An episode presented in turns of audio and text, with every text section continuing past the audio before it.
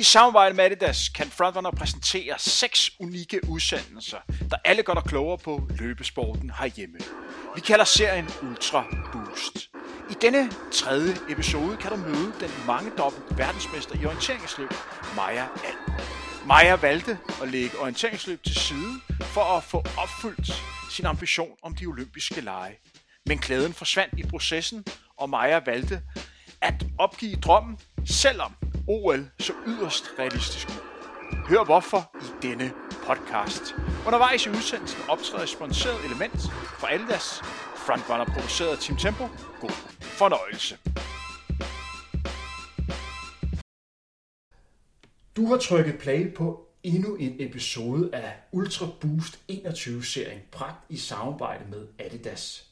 Dagens gæst har vundet imponerende syv verdensmesterskaber. Velkommen til Maja Al.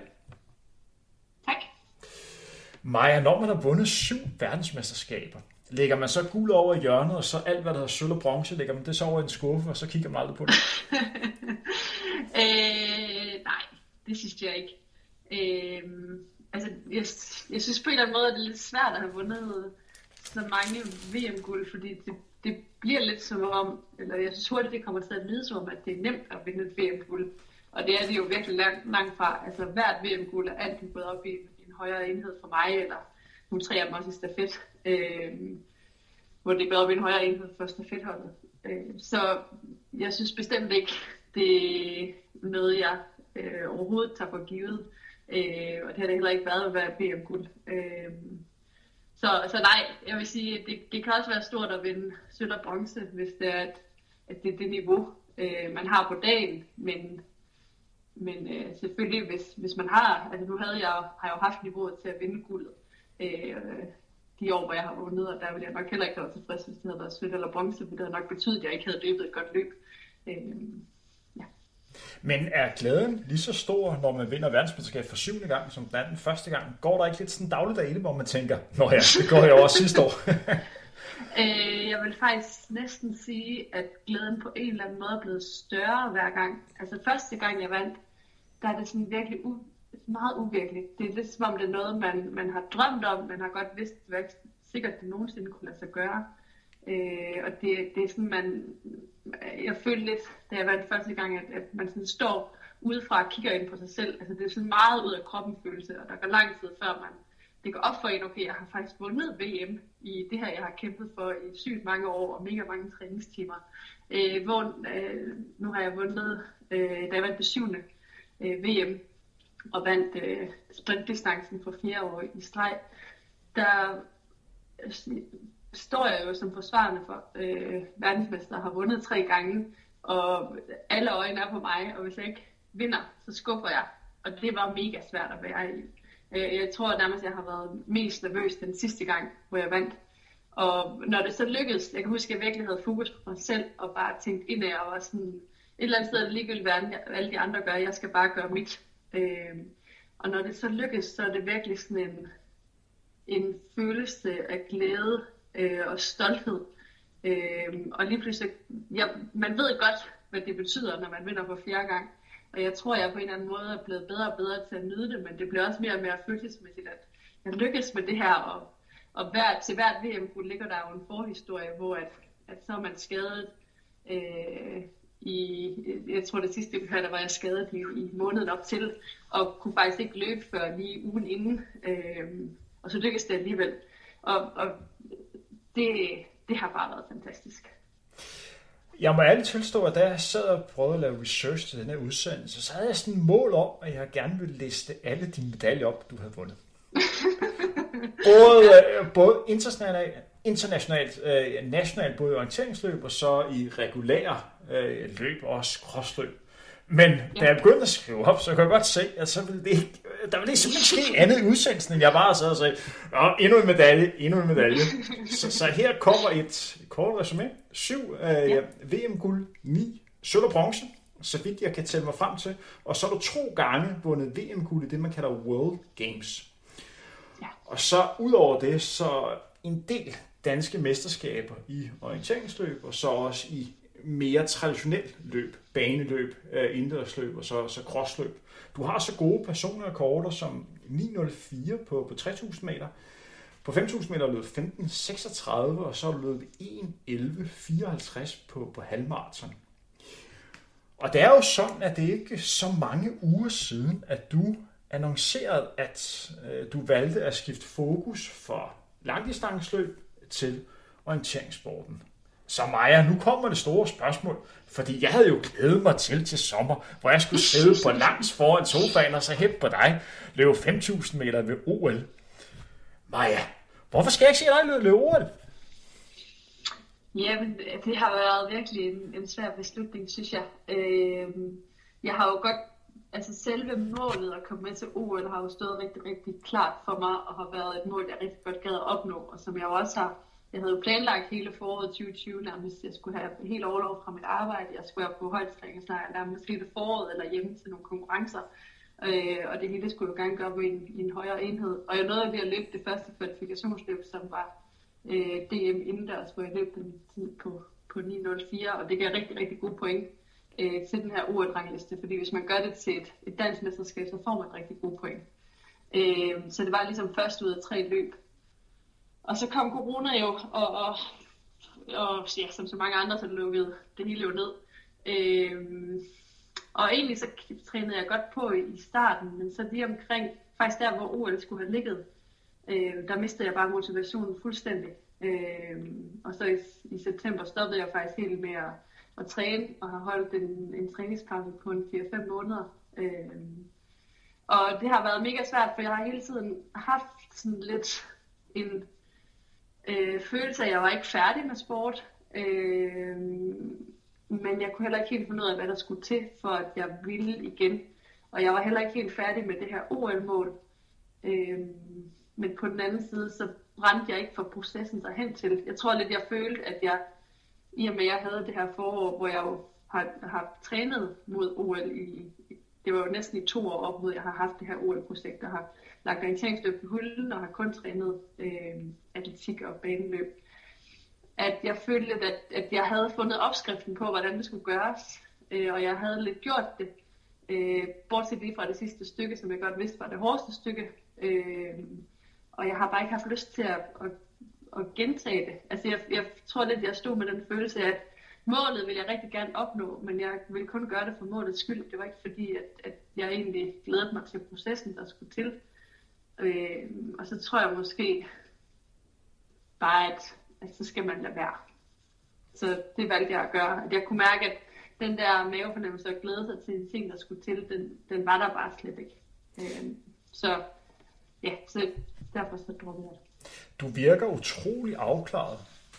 Er, er, er det ikke en beslutning, der trods alt har været rimelig svært at tage? Jo, men jeg tror lidt, øh, den følelse, jeg har haft, har været, at jeg, jeg, har, ikke kunne, jeg har ikke følt, at jeg kunne gennemføre øh, det UL-projekt, så alternativet var helt at stoppe og indstille karrieren. Men det har jeg heller ikke følt mig klar til faktisk overhovedet ikke. Øh, og det var sådan lidt frustrerende at stå med en følelse af, at jeg ville rigtig gerne noget, men jeg havde bare ikke lyst til, til egentlig det, jeg helst ville opnå. Øh, og det har været mega svært, men, og især også den der med, at stort set alle andre mål, jeg har sat inden for min sport, har jeg jo nået. At, og så erkende og sige, okay, jeg opnår ikke det her mål. Og jeg, på en eller anden måde har jeg også haft følelsen lidt af, at jeg heller ikke rigtig har fået lov til at give det chancen, fordi at jeg har egentlig sådan en fornemmelse af, at det, var, det ville stadigvæk være et svært mål, men jeg følte at det var realistisk, og jeg havde allerede øh, løbet, altså gjort en tredjedel af arbejdet ved at, at, at få rigtig mange point i, i en konkurrence ud af de tre. Øh, men jeg, jeg tror næsten, det der har været værst for mig, har været den der følelse af, at jeg skulle gentage. Altså det, det synes jeg bare ikke er, er sjovt i, øh, i, i elitesport, eller ja, i noget andet for den sags skyld, at skulle, skulle prøve at gentage noget, man allerede havde øh, planlagt og vidste, hvordan jeg ville gøre, det, det kunne jeg ikke. Og derfor så har jeg også været rimelig afklaret med, at, at det, det, det skulle jeg ikke. Og hvis jeg, hvis jeg skal noget til OL, så tror jeg, jeg skal, jeg skal ud på landevejen, fordi jeg kan rigtig godt lide det der mentalt i øh, de længere løb og landevej. Men øh, jeg har jo kun løbet et halvmarathon i mit liv, og har aldrig løbet et maraton, så jeg synes ligesom også, det var meget urealistisk at skulle nå at, at blive klar på, på en maratondistance øh, inden for et par måneder. Øh, så derfor så valgte jeg noget, som jeg, jeg har savnet rigtig meget, øh, og som jeg rigtig godt kan lide, nemlig orienteringsløb. Vi skal nok komme ind på den fremtid, der venter dig i orienteringssporten, ja. hvor du også skifter lidt fokus. Jeg kan forstå, at du lidt skifter til de lidt længere orienteringsløb, i stedet for de lidt kortere, som du løbede. Ja. Så skal jeg også spørge lidt ind til, om du stadigvæk går med lidt maraton-ambitioner. Fordi uden for det halvmarathon, som jeg har set dig løbe på 1.11.54, så jeg kan da huske, at jeg der dagen efter, der stod jeg og kaldte dig som øh, OL-deltager på maraton, hvor jeg tænkte, det der, det ser altså meget positivt ud på, på den distance. Men allerførst, så skal jeg lige høre, da du sådan fik fortalt nyheden, og det var en nyhed, en nyhed som spredte sig rimelig hurtigt på de, øh, diverse øh, nyhedssider. Du er jo en, en populær kvinde, der er mange, der følger med i din, øh, din gøremål. Hvordan var det at sige det? Altså, det har været en lettelse. Det er jo noget, jeg har gået med i lang tid. Øh, men jeg har ikke helt kunne finde ud af. Øh, jeg vil gerne have noget definitivt, for jeg vil ikke bare sige, at jeg ikke vil øh, stille op til OL, og så ikke have været afklaret med, hvad der så skulle ske. Øh, så jeg synes, det var, har egentlig været helt vildt rart at øh, finde noget, som, som jeg glæder mig til. Øh, og så synes jeg, at det var jo, altså det er jo sådan et, det med medierne, jeg tror jeg egentlig lidt er sådan et ambivalent forhold for mig, fordi at jeg har jo, jeg synes jo det er sjovt øh, at stille op i medierne, øh, og jeg har også fået at vide, at jeg, jeg er god til det, men, men det er egentlig ikke noget, der sådan fra naturens side ligger til mig. Det er noget, jeg sådan har lært mig, tror jeg. Så jeg synes også, at det kan være hårdt at være på. Øh, så på en eller anden måde var det jo dejligt lige pludselig, bare al den opmærksomhed, som ikke har været der i nærmest to år, kom jo igen og, og gå fra at nærmest ikke have trænet i 4-5 måneder til, at du får den der opmærksomhed, så man jo også lidt, altså man savner også, når man, når man ikke træner, eller når, man er vant, når jeg er vant til at være øh, elitesportsatlet, og ikke, ikke har trænet i lang tid, så savner man også at være god til noget. Og det var mega bekræftende. Øh, at få den der følelse af, at jeg er god, og medierne vil mig gerne, og det står på forsiden af, af de største landstækkende aviser. Men det er også på en måde tilbage i det pres, som jeg egentlig også har nyt at være ude af. Øh, så på en eller anden måde har det også bekræftet mig lidt mere i, at det måske også er, at jeg også er noget sted i min karriere, hvor det er okay at trække kortene lidt mere over på min egen banehalvdel og sige, okay, jeg stiller op til ting, når jeg har lyst til det, og når det giver mening for mig, og når det ikke gør, så siger jeg også nej tak. Øh, så, så jeg tror også, det er blevet lidt mere bevidst om, at jeg gør ikke det her for øh, opnå noget for andres skyld, øh, eller for mediernes skyld. Jeg, jeg fortsætter idræt for min egen skyld, og derfor så skal det også være på mine præmisser. Øh, men det synes jeg også er svært, for jeg, jeg er rigtig dårlig til at sige nej. Så, så det, var, det var jeg jo mig lidt i. Og Maja, det er jo sådan, at det næste, jeg kommer til at læse op for nu her, er en af de mest geniale citater, som jeg nogensinde har læst frem til.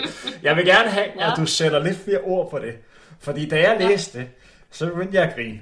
For jeg synes, ja. det er så sejt sagt. Det er taget for, for DR's hjemmeside. Og det er dig, der snakker. Jeg ved, hvad du mener. ja. Jeg har tænkt over tingene. Det er altså ikke specielt sjovt for mig at løbe rundt på en bane, når jeg er vant til at bruge mit hoved rigtig meget, når jeg løber en tænksløb i en skov. Ja. ja, jeg tror også, at det var... Øh overskriften var, at det er kedeligt at løbe på bane eller sådan et eller andet. Øhm, så så ja. mit, mit spørgsmål til dig. Hvor mange kender du, som sidder og klapper sine små hænder og tænker, yes, jeg skal ud og løbe hårde intervaller på banen? Øh, jeg, jeg kender jo faktisk overraskende mange, der synes, det er rigtig fedt at gøre det, vil jeg sige. Men altså, det synes jeg også, det var lidt, det var, min pointe var egentlig ikke at prøve at nedgøre noget med baneløb, eller at jeg synes, at det har været kedeligt eller dårligt valg. Altså, jeg synes, det har været et mega fedt projekt. Målet med hele UL-projektet var jo også at prøve at se, hvor hurtigt kan jeg egentlig blive, hvis jeg prøver at fokusere på det øh, og, og ligesom prøve de udfordringer, der er i, at det er noget rent løb, og det, jeg synes jo, projektet har været mega fedt. Og det er jo også bare fedt, at det er så benhårdt, som det er på en bane. Øh, så, så det er ikke... Øh, jeg, jeg har været lidt ærgerlig over egentlig, at det lyder som om, jeg sådan virkelig nedgør baneløb, fordi det, det synes jeg virkelig sådan er min holdning ikke. Øh, men på den anden side, har jeg jo savnet det at, at bruge mit hoved mere. Altså sådan, at det er, løb på en bane er bare benhårdt. Altså sådan, du, hvis du løber alt, hvad du kan, så, så løber du inden for en eller anden tid. Og hvis du ikke rammer den tid, som øh, du håber, du gør, eller som du synes, du burde pleje, pleje at gøre, øh, så står du dig selv i hovedet. Og det synes jeg har været helt vildt hårdt. Og det er både i træning, træning og i konkurrence. Og der tror jeg bare, at jeg er vant til at være i en skov, hvor opgaven er ny hver gang, og hvor du kæmper lidt mod dig selv og mod skoven og den bane, der er lagt. Og det er ikke så afgørende, om jeg kan løbe 15.30 på en 5.000 meter eller 16.00. Øh, det der er afgørende, det er, at du finder de første godt. Fordi hvis du ikke gør det, så mister du to minutter pist og pist, og så er det ligegyldigt, om du løber 15.30 eller 17.30, fordi så, så taber du bare tid. Og jeg tror, at det, det er det, jeg savner, at jeg lidt mere med mit hoved kan afgøre udkommet af træningen eller af konkurrencen, hvor at når du løber på en bane, så er det bare, ej selvfølgelig er der også noget mentalt, det er jeg godt klar over, men, men det er måske knap så meget, du kan rykke på, hvor at, at når jeg løber i skoven, og altså der, der, der skal jeg virkelig være skarp i mit hoved, for, for ikke at lave de her fejl, og det er ikke kun fysikken. Men, men det er jo også, altså jeg har jo startet som intensiv, fordi jeg godt kan lide det, så, så det er jo, jeg er jo også glad for, at jeg savner det. Øh, men, men, men ja, nej, men helt sikkert, bandløb er hårdt, og ud af hammer 1000 meter intervaller er mega hårdt, men, men det er jo også fedt, det har også en charme. Men jeg tror, nu har jeg jo været to år i atletik, og, og jeg savner også øh, der, hvor jeg kommer fra. Men Maja, nu er det her jo en udsendelse, hvor du er stjernen, og jeg er jo personen, ligesom hvis vi spiller volleyball, så sådan skal skyde bolden op til dig. Men, ja. øh, og så skal du så smash den ned. Men jeg vil vel komme med en betragtning i forhold til øh, mit eget elitekarriere. Øh, min karriere stoppede jo sådan lige pludselig, fordi jeg fik øh, problemer med min hofte. Men selv den dag i dag, vil jeg sige, at jeg savner mange ting for løbesport. Men de der, de der hårde intervaller, det der slid på den der bane, hvor man bare skal ligge og presse sig selv, det savner jeg sgu ikke. Altså, jeg tror på en eller anden måde, at en af de ting, som der kom lidt bag på mig, det er, at, at du har også en, øh, en mentalt øh, pres. På et eller andet tidspunkt, så kan du bare ikke sætte op mere til de der hårde intervaller. Og på et eller andet tidspunkt, så siger kroppen bare stop. Ja. Var, var du også ja. derhen? Mm, jeg tror i hvert fald på en eller anden måde, var der noget mentalt stop. Altså sådan, at, at jeg tror lidt, at øh, jeg på en eller anden måde Øh, jamen, det var der nok. Der kom en eller anden blokade for, at, at det, blev, det var bare blevet... Jeg tror, det er svært, fordi jeg jo kommer fra orientering, hvor man ikke kan måle noget. Så kommer man over i atletik, og lige pludselig kan man måle alt. Og det er jo også mega fedt, at, at jeg kan sammenligne ting. Altså, jeg har også været træt af i orientering, at jeg jo ikke kunne vise, hvor god en form jeg har været i, når jeg har vundet VM. Altså, så hvis man ikke ved, hvad konkurrencen er, så tænker man, at ja, okay, hvis du er den eneste til start, så er det ikke så flot at vinde VM. Men her, der får du bare et tal på, hvad du kan. Og det kan jeg jo også godt lide. Så jeg synes jo også, det har været mega fedt. Øh, men jeg, jeg tror måske, jeg skulle have haft lidt mere fokus på processen, og måske have løbet mere væk fra banen og på tid, som jeg var vant til, og måske ikke have så meget fokus på hastigheder. Øh, det, det tror jeg faktisk, jeg var blevet bedre af, hvis jeg havde haft et fokus mere på sådan indad og få alt ud, i stedet for hele tiden at sammenligne mig med mig selv. Fordi jeg tror, at den der negative spiral, det gjorde til sidst, at øh, jeg synes ikke, jeg følte ikke, at jeg kunne leve op til min egen krav lige pludselig. Altså sådan, jeg, jeg, at retten for succes var så lille, fordi man gerne hver gang ville ramme de der gode intervaller. Og det, det synes jeg er mega mentalt svært at være i. At hvis man en gang har løbet 3.05 på sine 1000 meter intervaller, så vil man gerne gøre det hver gang. Og det kan man bare ikke. Øh, det, det synes jeg var hårdt. Det er super hårdt, og øh, altså, man, konstant er man bare i kamp med det der, det der ur, og man glemmer nogle gange, ja. at det er bare sindssygt svært at løbe stærkt, når det for eksempel er koldt, og det blæser helt sindssygt. Så kigger man bare på det der ur og tænker, hvad delen er der galt med mig i dag? Ja, ja, egentlig. Men for at kigge på, på fakta, før jeg snakkede med dig i dag, så var jeg lige at kigge på, på verdensranglisten. Altså, din OL-drømme, var jo ganske realistiske. Altså, du ligger jo stadigvæk på en rangliste, hvor du har øh, pointrangliste, hvor du både kigger på 5.000 meter for kvinder, og så 3.000 meter og en 2 miles distance, som ikke så mange løber, men det er stadig en distance, der tæller med i det her. Der ligger du på omkring nummer 60, og det er altså en ganske fornuftig placering i forhold til at komme til OL. Så, så målet virkede bestemt realistisk. Men det, jeg ja. hører dig sige, det er, alt det arbejde, du ved, som der skal til for at komme derhen, det var simpelthen blevet for meget, og ikke det værd. Ja, og så tror jeg lidt, at altså jeg har jo været i gamet i mange år, og har nærmest hvert år fundet en lille ting, jeg lige kunne optimere på. Og jeg er sådan meget øh, systematisk, at når jeg først har fundet noget, der fungerer, så skal jeg gerne gøre det hvert år.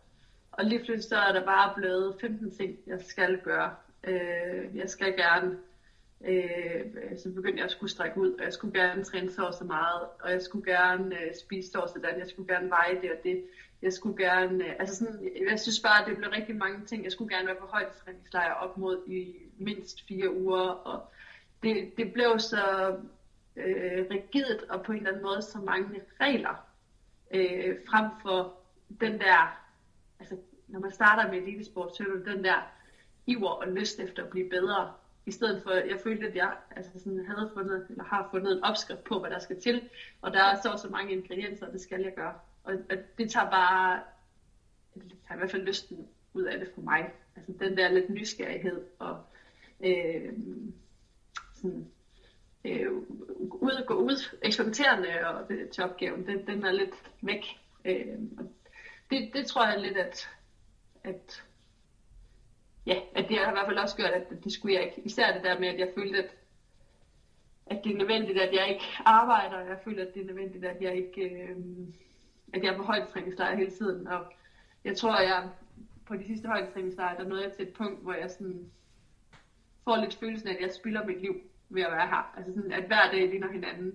Og jeg står op igen, jeg løber øh, 30 km om dagen. Øh, jeg spiser fornuftigt og går tidligt i seng at, at det er jo selvfølgelig fedt at få lov til at fordybe sig på den måde, men det er også bare, jeg tror også, øh, alle de gentagelser kan også bare gøre, at, at det bliver meningsløst. Og det, det følte jeg lidt, at, at det er meningsløst, og det, det tror jeg har været farligt for mig, den der følelse af, at, at nu går mit liv i stå.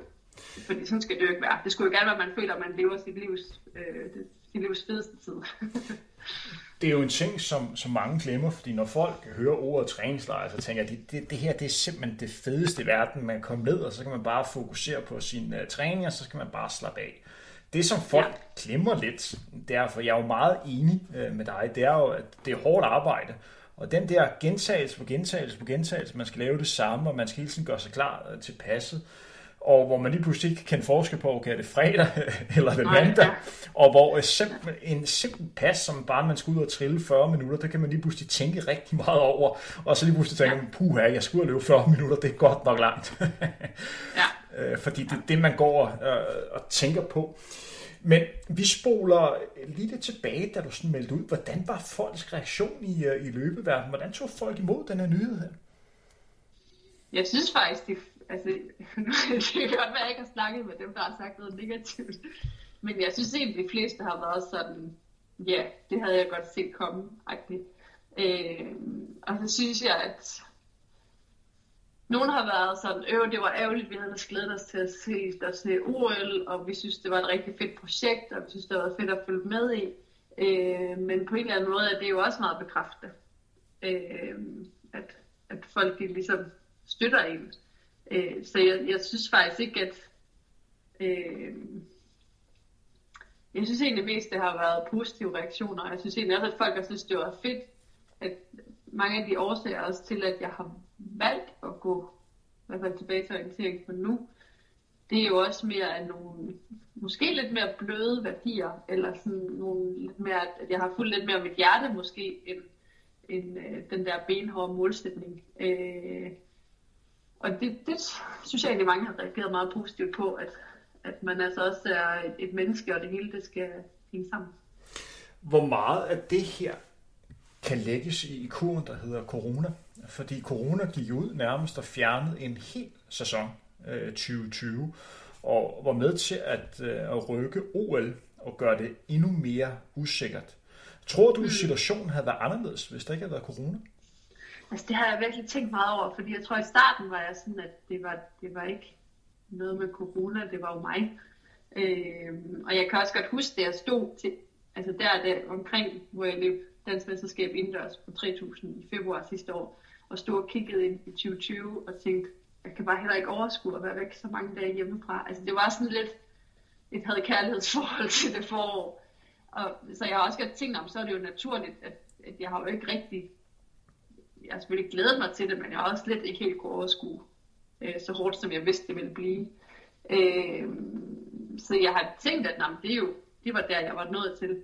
Men jeg kan jo se og høre, at der er virkelig mange af dem, som er, jeg ved ikke, hvad man kalder det i slutningen af min karriere, for det lyder som om jeg sådan har tænkt mig at stoppe lige om hjørnet, øh, men, men som er på toppen af deres karriere, som, øh, som faktisk er stoppet. Altså jeg synes, der er virkelig mange, jeg har hørt, som, som er kørt død i det her under corona.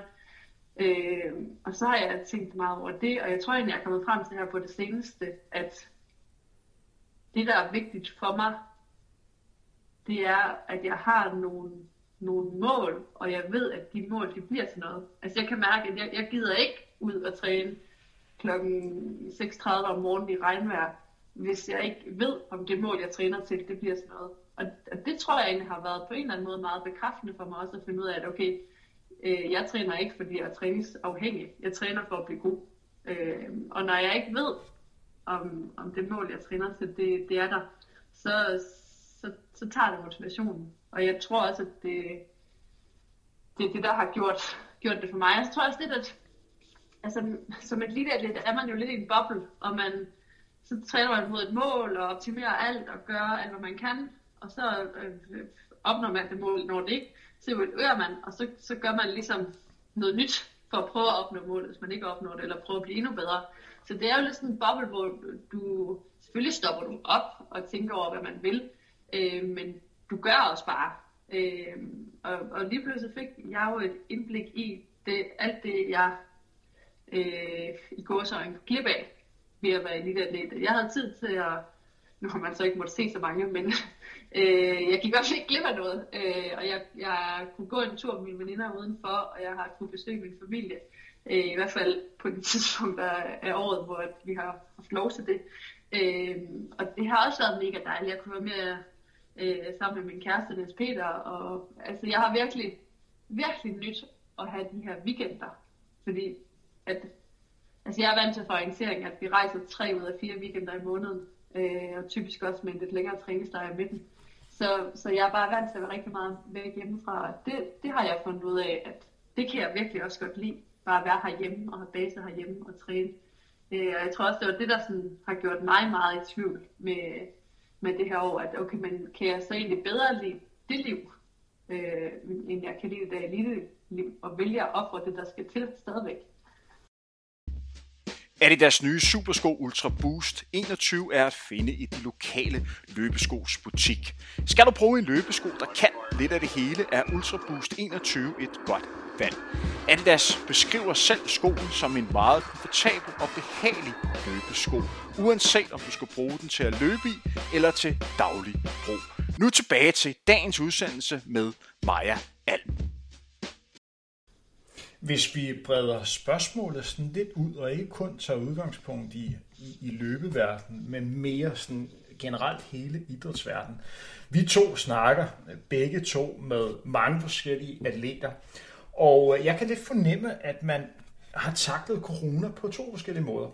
Der har været den, som tænker, jeg har sgu fandme spildt et år det her, det er sgu bare, de har bare taget et år fra mig, mand. Jeg, alle de ting, jeg bare trænet op mod, det er bare blevet fjernet, så bare skudt til hjørnet, og bare så jeg og tænkte, damn mand, det år der får jeg ikke igen. Det er den ene krøft, og så en anden krøft, der tænker, yes mand, nu har jeg et år til at blive endnu bedre. Jeg havde, jeg havde også jeg havde først planlagt, at jeg skulle ligge top i 2021, så det passer meget godt, at OL først kommer senere, for jeg er endnu bedre der. Ja. Har du haft den samme opfattelse, at det er lidt de krøfter, man ligger i? Ja, men jeg tror også, det er derfor, at der er rigtig mange... Altså hvis jeg skal tage mig selv, jeg tror, det der afgør, om jeg opnår mine mål, jeg tror nærmest uanset hvilken distance, det er ikke, at jeg har et år mere til at træne i. Det er, at jeg får trænet på den helt rigtige måde, får restitueret lige det, der skal til, øh, får toppet det på den helt rigtige måde øh, frem mod et mesterskab. Fordi at jeg har jo øh, 15 års træning i bagagen. Så så for mig, der har det ikke været, jeg har ikke tænkt, yes, for et år mere med, altså med træning, fordi jeg tror ikke, det er det, der, der gør, at jeg rykker mig. Øh, jeg tror, det der gør, at jeg rykker mig, det er, at jeg er rigtig, rigtig skarp og fokuseret lige frem mod et mesterskab. Og det, det kan jeg også se på mine præstationer, at jeg er typisk god lige når det gælder. Fordi at, at jeg netop har fundet, øh, fundet ud af, hvad der gør mig god. Og, og jeg tror, det er det, der også har været så svært for mig, at jeg har ikke kunne se noget formål med at have et år ekstra. Men det er klart for unge talenter, der er på vej frem, så har det jo været en gave at få lov til at have et år, hvor der er ro på, og der ikke hele tiden skal præsteres. Øh, så jeg tror, det er lidt den, jeg ser det, at, at dem, der har haft, altså når der man skal udvikle sig, jeg ved også godt, det, det kan også godt være, at jeg vil have godt at udvikle mig, men jeg føler bare, at, at jeg har så mange år, at jeg, jeg tror ikke, det, det er ikke træningsmængden, jeg mangler på den måde. Men jeg kan da huske dengang, at jeg var yngre, og, og, og man skulle blive bedre, at det kommer jo sådan i ryg, og det kommer jo typisk efter en, en længere sammenhængende periode, hvor man har trænet rigtig, rigtig godt. Og så vil jeg også stille lidt spørgsmålstegn med den anden kategori, der hedder, okay, yes mand, vi har et år til. Fordi mm. det, for mig virker det lidt som om, at det er noget, man prøver at sige til sig selv, for at takle en situation, som er rigtig, rigtig svær. Fordi langt de fleste har jo selvfølgelig sat sig op til, at det skulle være 2020, det skulle være OL, det skulle være her, jeg performer. Fordi alt det hårde sure slid, øh, som vi har ligget og snakket om her, det kommer jo en gang til. så man starter jo på en eller anden måde forfra. Men man bliver nødt til at kunne forholde sig til det, så mentalt er det nok en meget god idé at sige, ja, men jeg har alligevel regnet med, at jeg bliver bedre næste år, for, øh, for at på en eller anden måde prøve at arbejde med den del. Fordi det er jo, det er jo hårdt arbejde. Der er jo masser af hårdt træningspas, som ligger og venter. Om egentlig. Øh, lad os holde lidt fokus på den her maratondrøm. Du har jo kun løbet et halvmaratonløb, og det var i forbindelse med det danske mesterskab på, på halvmaraton. Var det ikke tilbage i 2019? Jo, hvor du løb 1.11.54, en ganske flot øh, tid, og den hurtigste tid, jeg var det i 15-16 år på det tidspunkt på, øh, på halvmarathon. En dag, hvor det sørme også øh, blæste en, en hel del. Det, det tegnede mod en, en hurtig øh, maratontid, og, og lige pludselig, en, ja, hvis man kan løbe 1.11 på sit første halvmarathon, så virker en tid omkring de her 2.30 ikke sådan helt usandsynligt. Var det ikke alligevel noget, der, sådan, der sådan fristede at prøve det af i forhold til OL, altså bare tænke, okay, jeg giver det et forsøg? Øh, jo, jeg var faktisk rigtig meget i tvivl i månederne efter, om jeg skulle gå efter 5.000 meter, eller om jeg skulle gå efter maraton. Det var faktisk virkelig svært for mig øh, sådan helt at afgøre det.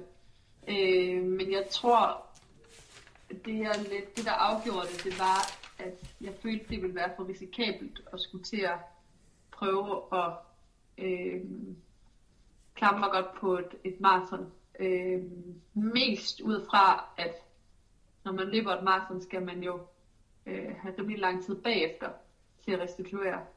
Så hvis det var, at jeg skulle løbe et maraton, så ville det tage formentlig omkring en måned, før jeg kunne være tilbage igen på, på fuld træningsplus.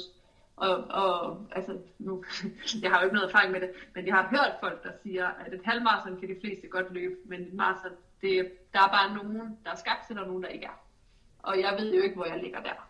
Så, så det, jeg, jeg synes, det var lidt, lidt risikabelt, og så blev jeg faktisk også, jeg blev skadet efter, øh, jeg løb det halvmarathon. Øh, og det tog ret lang tid, før jeg kom ovenpå. For jeg havde faktisk tænkt, at jeg skulle løbe et, et halvmarathon i, tror det var december, i Valencia. øh, og jeg var også kommet ind, men så var jeg, jeg, jeg tror jeg var skadet op mod. Så, så det blev ikke til noget, så synes jeg, det blev for presset.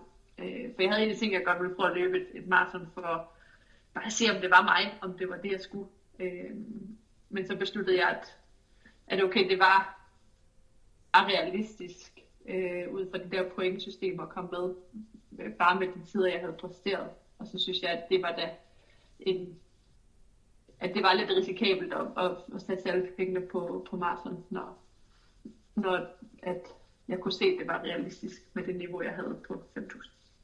Lad os gå lidt videre med dagens udsendelse, og så forholde sig til et andet aspekt af dit liv. Du er jo uddannet tandlæge og arbejder, så vidt jeg forstå, som tandlæge nu her. Ja.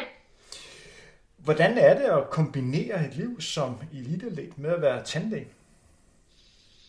Jamen altså, det er jo, det er jo, lidt, det er jo lidt sjovt med de faser, der er i livet, fordi når man går i folkeskole, synes man, det er hårdt at gå i folkeskole. Når man går i gymnasiet, synes man, det er hårdt at gå i gymnasiet. Når man studerer på universitetet, synes man, det er det hårdeste i hele verden. Og så når man bliver færdig med det, så kommer man ud, og så finder man ud af, at okay. Øh, det er i hvert fald også rimelig hårdt, og det er jo rimelig ufleksibelt at have en arbejdsgiver, og når jeg sidder som tandlæge, har jeg også en klikassistent og en helt snik, der skal køre. Så der er jo mange folk, der er afhængige af mig lige pludselig, og det er ikke så nemt bare lige at få fri. Øh, men heldigvis så har jeg en, øh, en chef øh, på den klinik, jeg arbejder på i Silkeborg, som selv har været øh, løber i sin tid. Øh, og han forstår det godt og synes, det er fedt, så jeg har kunnet få lov til at få fri til faktisk øh, lige det, jeg nærmest har ville. Og han har jo så også været med på hele den her rejse her, den her vinter, hvor jeg først har været sådan, ej, jeg tror, jeg tror bare, jeg skal arbejde nu, og ej, okay, jeg skal tilbage, og nu, nu skal jeg gerne sidde på træningslejr. Han har ligesom passet sig ind hver gang, så det, det har været altså, virkelig guld værd at have en chef, der, der har forståelse for elitesporten.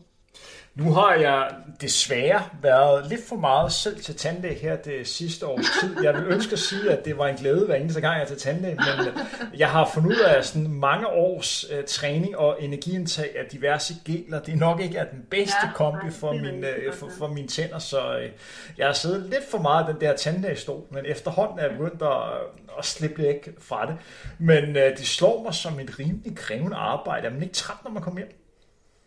Jo, meget. Øh, og det tror jeg altså, altså både sådan, man er jo, man sidder så lidt akavet, og, øh, og typisk så er man jo også i, man har jo ligesom folk inde hele tiden, og der er run på, og man typisk lidt bagud og skal skynde sig, og øh, man er lidt stresset og får ikke drukket nok, og, og så er man jo, altså jeg er jo på hele tiden, der er jo et, et andet menneske, jeg skal tage mig af og snakke med, og, øh, og det er jo vigtigt, at, at at den person, der sidder i stolen, har så god en oplevelse som overhovedet muligt. Øh, så jo, det er virkelig, altså nogle gange så ville jeg da ønske, at jeg, jeg ved også godt, at skrivebordsarbejde også kan være hårdt, men at man nogle gange havde et arbejde, hvor man lidt mere kunne øh, have nogle dage, hvor man måske var knap så meget på. Øh, men, men jeg synes også, at, at det er ekstremt fedt Øh, og det, jeg tror også faktisk, det er det, der næsten har været sværest for mig det her efterår, at der er begyndt at arbejde mere, for jeg kan godt se, at der ikke var så meget gang i løbesporten, der ikke har lyst til at træne. Og så på en eller anden måde, så udfylder arbejdet lidt af den plads som elitesport, jeg har haft hele mit liv, fordi det er også noget med at forbedre sig og, og sætte mål for, hvad man gerne vil. Og, øh, og lige pludselig er der et, der er et andet menneske i stolen, som hvis de har en god oplevelse, så er folk faktisk rigtig gode til at sige tak, tak for en rigtig god behandling. Så du får egentlig sådan umiddelbar feedback fra det der allervigtigste, nemlig et, et andet menneske, som sætter pris på, at du har gjort dig umage og har behandlet dem godt. Og det får jeg jo ikke for hver træning, jeg løber udenfor. Så, så jeg tror næsten, det det der sådan har, været, har udfordret min lille karriere mest, at, at jeg har lidt fået tilfredsstillet øh, det der øh, hele det der spil, der er i elitesport, har jeg fået tilfredsstillet i mit arbejdsliv. Øhm, men altså, jeg kan så også godt mærke nu her, at okay, nu mangler jeg lidt øhm, altså at, at, at presse min krop, og det ikke, øh, det bliver jo også et arbejde med tiden. Øh, men det har været fedt at have et halvt år også, hvor jeg kunne fordybe mig lidt mere i det, og, og det glæder jeg mig da også til på et tidspunkt, men jeg kan på den anden side også mærke, at okay, det skal jeg nok lave måske de næste 30-40 år. Øh, ej, 30 år, jeg bliver allerede 30. Men, øh, øh, og jeg, jeg er ikke færdig med, med elite. Du kan i hvert fald opmærksom på, at jeg er en rimelig dårlig patient, fordi jeg får da aldrig sagt tak, efter jeg sidder den der stol der. Ej, det er fordi, det, det er fordi, du ikke har været patient hos mig, Henrik. Så vil du sige tak. Ja, det, det, kan, det kan godt være. En fest hver gang. ja, men øh, ja, det kan godt være, at jeg skulle tage en tur til, til Silkeborg og lære at sige tak, efter at have været til tandlæge. Men, der, er ikke, der er ikke særlig langt. der, er, der er en lille køretur. Men det er jo sørme også sådan, at, at jeg, da jeg sad og lavede forberedelse til den her udsendelse, er jeg også faldt over en artikel, du er med i, i en, en, en nyhedsserie, eller hvad hedder det, dagblad, der hedder Tandlægen. Ja. Tandlægebladet. Og der er også et citat, som jeg lige vil læse højt, som jeg også synes er fantastisk sagt. Du er jo du er god til de her medier, Maja. Du siger nogle fantastiske oh, ting. Og jeg, jeg læser højt nu her. Jeg føler, det gør mig til en bedre tandlæge, øh, at jeg havde været elite-læge, da jeg kan tage mine erfaringer med mig og give mig redskaber til bedre at kunne håndtere patienternes smerte og usikkerhed. Ja, ja. det er rigtigt. Hvordan forholder sig det helt konkret? Kan du, øh, kan du sætte lidt mere ord på, hvordan du kan tage ting med for din elitekarriere til tandlægestolen? Altså, i første omgang er det jo det her med at skulle præstere under pres. Altså, det er jo hver gang, at man, man gerne vil øh, lave noget, der er godt. Øh, og det, der er det svære ved at arbejde med mennesker, det er jo, at selvom jeg gør alt, hvad jeg kan, så er det nogle gange, at tanden er så ødelagt, eller at, at måde det ser ud på, at, at det kan ikke blive øh, perfekt, eller og så er der nogle ting, der lyder for galt, som om at jeg bare laver helt dårligt sætarbejde, men at, at der, der vil være nogle ting, hvor at, at du ærger dig over, hvorfor gjorde jeg det ikke lige på den her måde, eller hvorfor skete det her ikke lige, eller hvorfor skete det her, og, og det der med at håndtere modgang, det tror jeg virkelig, at, at man kan lære af. Øh, men, men det er svært, fordi det er tit, at, at jeg tager det med hjem alligevel, og godt kan gå og gruble over det nogle dage. Øh, men, men, men jeg synes, det der med, hvis ting ikke går, som jeg har planlagt, okay, så prøv på en anden måde, eller find en anden indgang, eller få snakket ordentligt med patienterne om det, og sige, sådan her er forholdet i din mund. Og, altså sådan, jeg, jeg tror, at det der med at håndtere at, at det går, som man havde tænkt. Og så finde en vej ud af det og komme videre. Det, det tror jeg. Og så tror jeg, det vil være på alle arbejdspladser, at, at ting går ikke, som man, selvom det kunne da være lækkert med sådan et liv, hvor der ikke var nogen bekymringer, og alting bare glider ud af, øh, så er verden jo ikke sådan. Og, og det, det tror jeg, har, at jeg har en kæmpe styrke i at have, have prøvet fra elitesporten.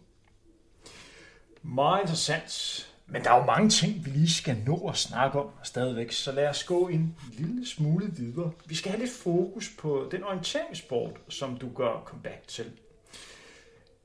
Hvordan har sporten ændret sig, siden du øh, sidst var en del af den? Øh, jamen altså, på det danske landshold er der øh, en kæmpe landsholdsgruppe lige nu, og der er rigtig mange unge, der er kommet op, og der er faktisk et rigtig højt niveau. Øh, jeg har jo trænet lidt med dem nu her, og jeg bliver jo fandme løbet fra. Øh, så det er mega mærkeligt at komme tilbage til, og, og jeg er ikke den bedste. Øh, heller ikke, når vi fysisk løber intervaller. Nu ved jeg også godt, at jeg har holdt en pause. Men stadigvæk sådan at indstille sig i hovedet på, at, at det er sådan, det er. Øh, og så måske også,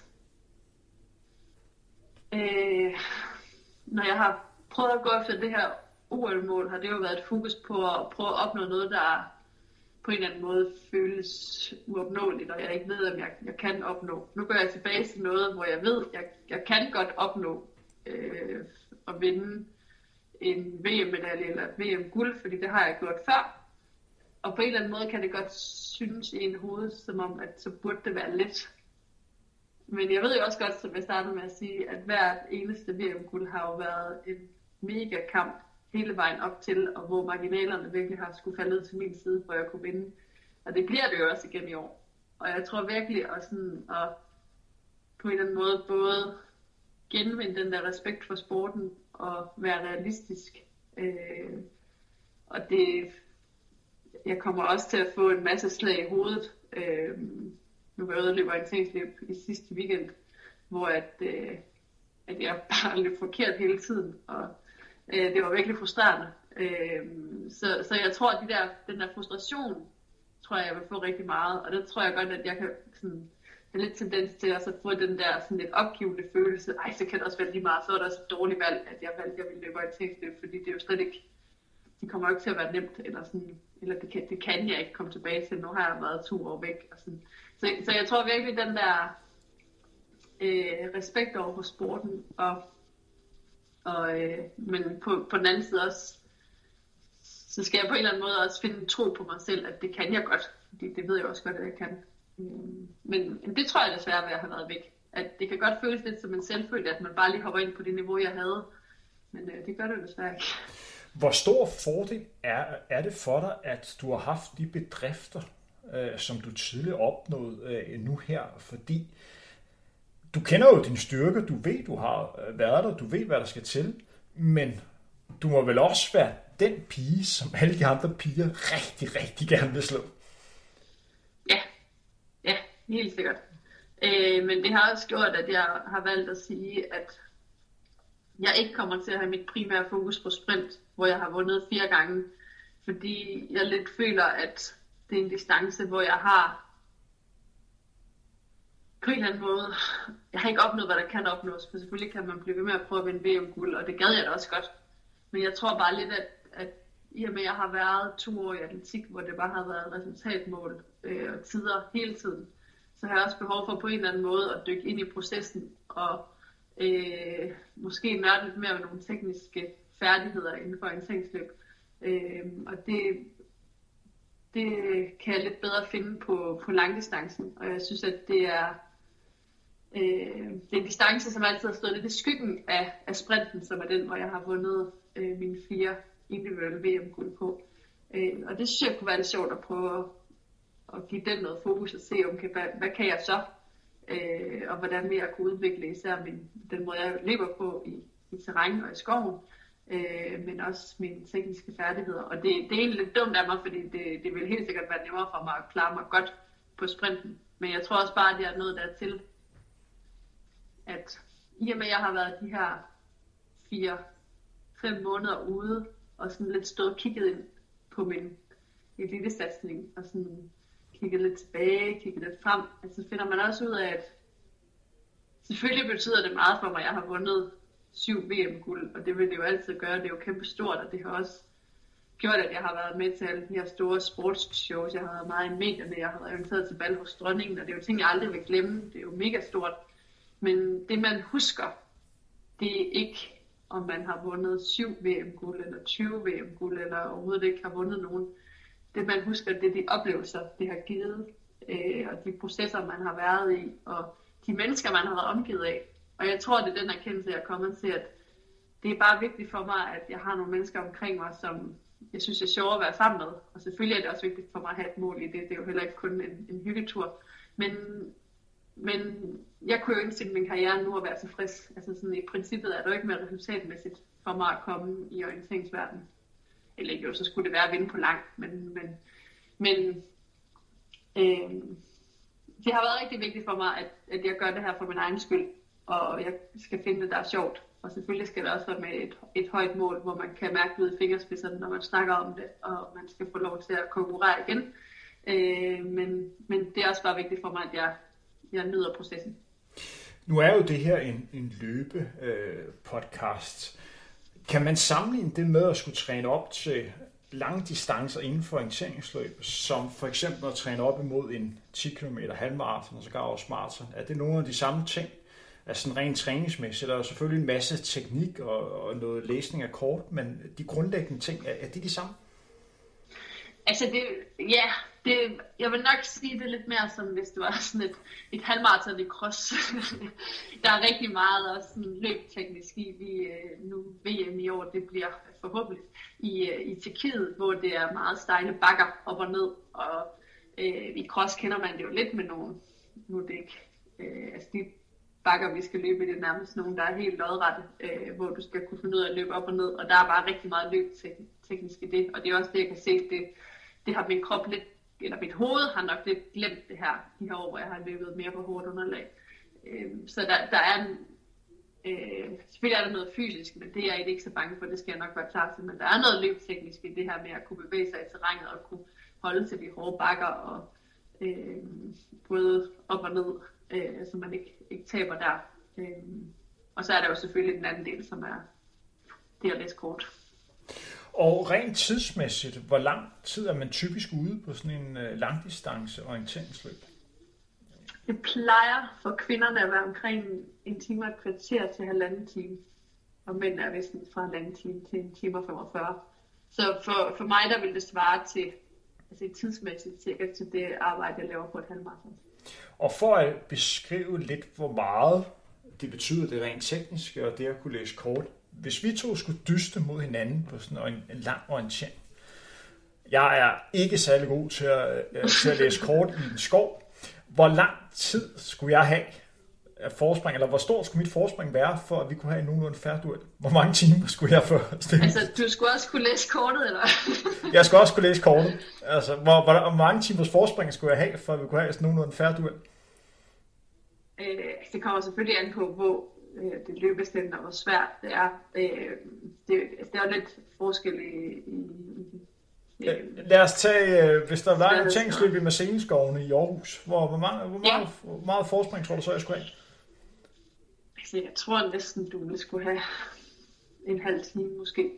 Altså, det er jo både, du skal jo, for det første er der det der løb teknisk at skulle kunne bevæge sig i skoven. Men jeg kan jo også jeg kan jo løbe og læse mit kort samtidig med, at jeg løber i det her meget, meget besværlige terræn. Øh, og det er jo ikke, når jeg siger terræn, er det jo ikke stierne, det er jo inde i skoven, igennem øh, buske og igennem åer og, og øh, moser. Og, altså sådan, det er jo noget andet end, end trail, trailstier. Og, øh, så jeg tror bare, I, altså, jeg tror, du vil jo skulle stille, hver gang du skulle læse dit kort. Det vil du mest rimelig meget på. Højst sandsynligt. Du nok også komme til at løbe lidt forkert, tænker jeg, gang med. Det vil nok også ske. Øh, ja, så jeg, jeg tror desværre, du vil miste lidt. Altså, jeg har, jeg har faktisk haft øh, min kæreste, Niels Peter, med på et ansigtsløb, hvor han bare skulle prøve at følge med. Øh, hvor han bare løb efter uden kort. Øh, og uden at hænge ham for meget ud, så... ej, han havde også øh, helt normalt løbesko på. Det var ikke helt optimalt. Men øh, jeg tror, han var lidt overrasket over, hvor, hvor svært det er at bevæge sig i den der skov. Og jeg tror også, han var sådan, det behøver jeg ikke gøre igen. det, det var ikke... Øh, det var lidt, jeg tror, det var lidt, altså det er lidt mere ekstremt, end man lige sådan tænker. Jeg tror især, at man ikke skal undervurdere. Øh, det er jo du på hjemmebane der, men jeg tror, mange glemmer lidt, hvor, hvor hårdt det er at løbe nedad. Øh, jeg har ja. prøvet at løbe nogle af de, de løb, hvor det er Øh, meget ekstremt, øh, hvad kan man sige, underlag, og jeg kan virkelig fornemme øh, forskel på dem, der er gode til at løbe nedad, og så dem, der er rigtig gode til at løbe nedad, fordi der kan, der kan virkelig gøre stor forskel på, på sådan nedadløb. Du kan tabe rigtig, rigtig mange meter. Ja, altså det, det er det, jeg kan se nu, at jeg jo ikke, hvis vi skulle ud og løbe nedad mod hinanden, så tror jeg stadigvæk, jeg vil løbe, øh, altså især hvis det er nedad de der helt stejle, ikke? Altså, der vil jeg øh, nok løbe rimelig meget fra dig Øh, men jeg blev løbet rigtig meget fra af de orienteringsløbere, der har trænet det her hele vinteren.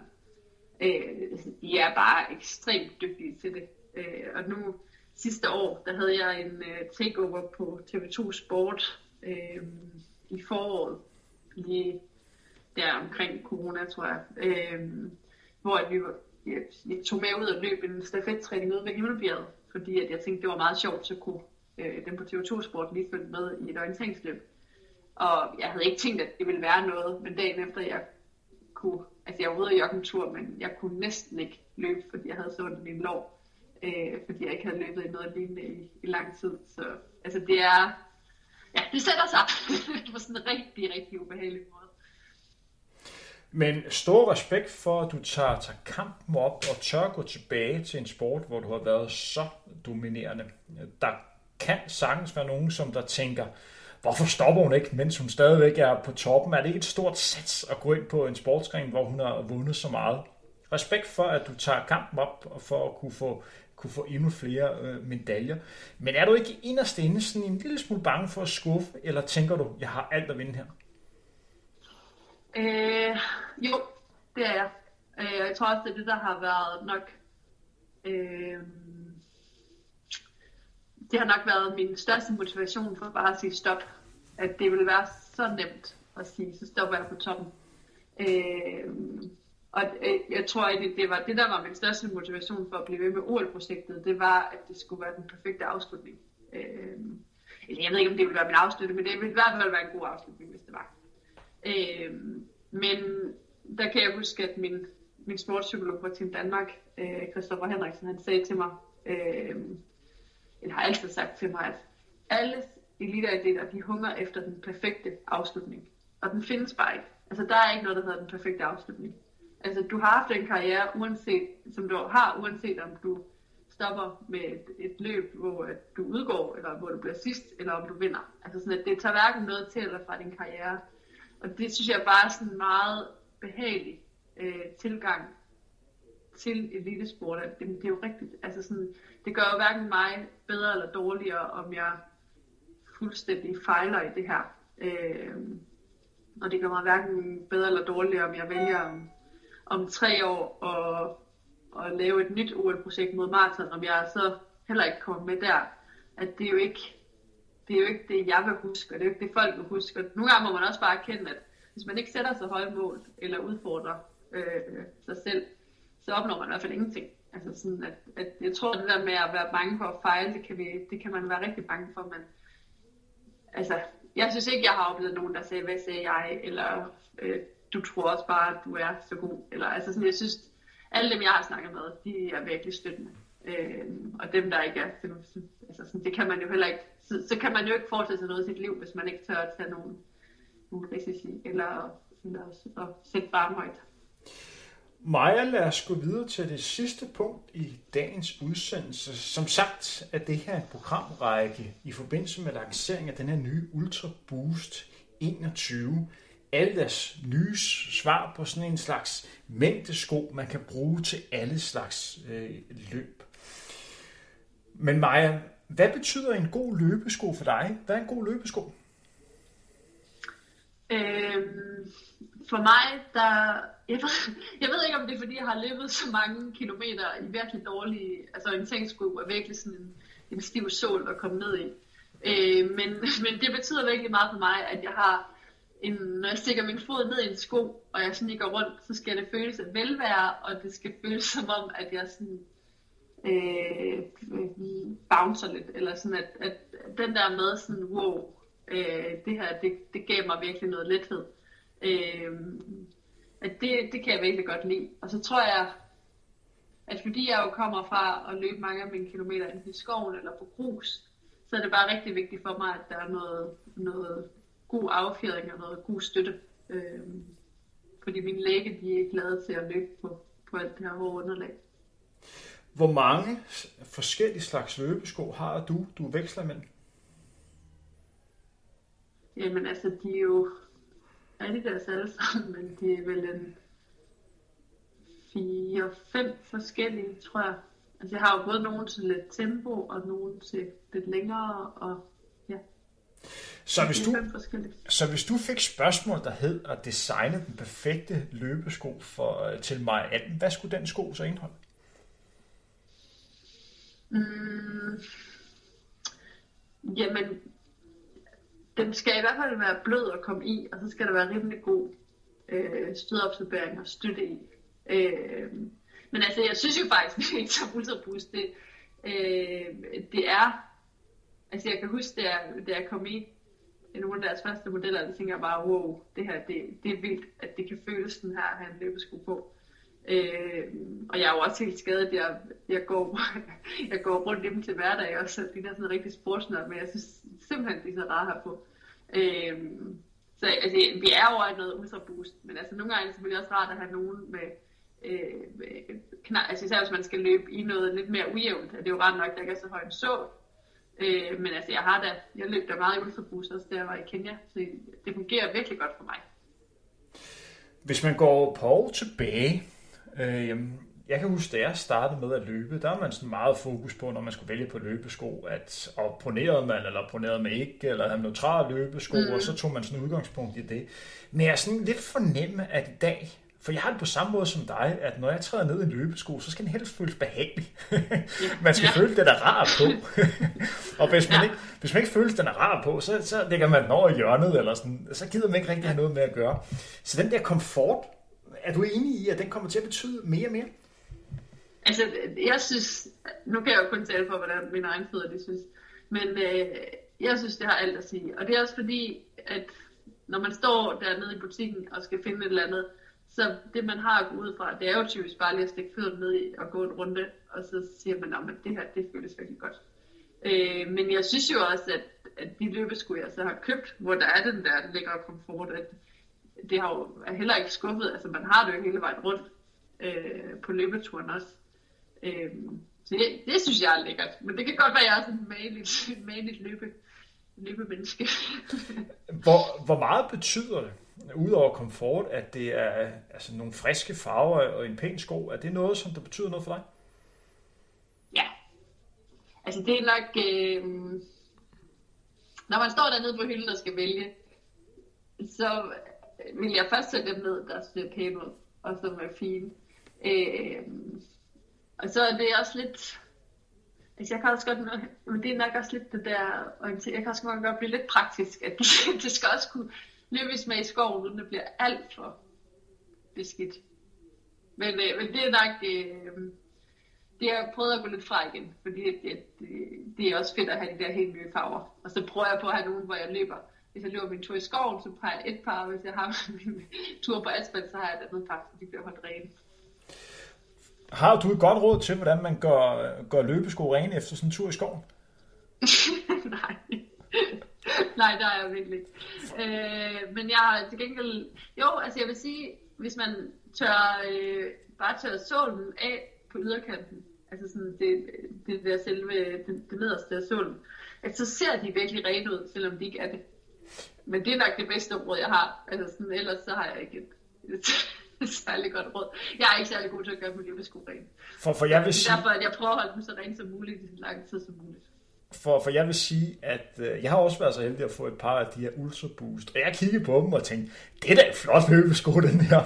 så, ja. så sagde jeg, jeg skal da prøve at løbe de her sko, jeg skal da ud i dem her. Og så kiggede jeg ud på sådan en gang regnvejr, hvor der var masser af mud over det hele, hvor jeg tænkte, det er da næsten synd for de der små, ja. de der sko, at de skal ud i de der regnvejr der, og, øh, og blive beskidte, fordi de var så pæne.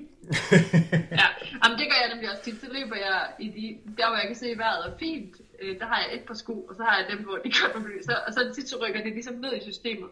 Så de fine sko, dem løber, og så er det en eller anden dag, hvor man er, løber afsted i tørvejr, og så begynder det at regne, og så kommer man hjem, og så er skoene beskidte. Og så kan de godt ryge over i skoene, man løber i skoven med. Så sådan, mine, de har sådan et flow ned igennem. Indtil Niels Peter siger, nu skal de der altså ud. Så siger okay. Det er rigtigt. Maja, vi er ved at komme til, til vejs ende af dagens udsendelse. Du kender jo proceduren her. Du har jo været med før i, øh, i Frontrunner-regi. Er der nogle ting, som du mener, vi ikke har været inde på? Så har du muligheden øh, for at komme ud med det nu her. Mm, nej, vi har jo været lidt omkring. Det er nogle gode spørgsmål, du har stillet, synes jeg. Øh, nej, jeg tror det faktisk ikke. Så vil undertegnet Henrik Thiem gerne sige tak til dig, Marianne, fordi du har lyst til at være med i denne her udsendelse. Tak for at dele lidt ud omkring dine tanker på det, der må være en rigtig, rigtig svær beslutning for dig. Så har vi også snakket lidt om, hvordan dit liv er nu, hvor du skal sådan kombinere elitekarriere med dit liv som, som tandlæge iført øh, sneakers for, for Adidas. og det er ikke engang løgn. ja. Og, øh, og øh, du har opdraget dine, øh, dine patienter til at sige pænt tak, efter de har siddet i den her, den her stol. Ja, der er i hvert fald ingen, der tør ikke at sige det til deres tandlæge. Det, det, her. det, må, øh, det må jeg personligt huske næste gang, at jeg skal, skal derhen. Forhåbentlig går der lidt tid. Det plejer at være dyrt for min, for min pendler, ja, ja, når jeg er der. Ja. Så, men stor, også stor tak til dem af jer, der var med til, til vejs ende. Ekstra stor tak skal lyde til alle der, som har gjort øh, den her udsendelse muligt. Det her var Frontrunner med Maja Alm. Vi høres ved igen inden længe.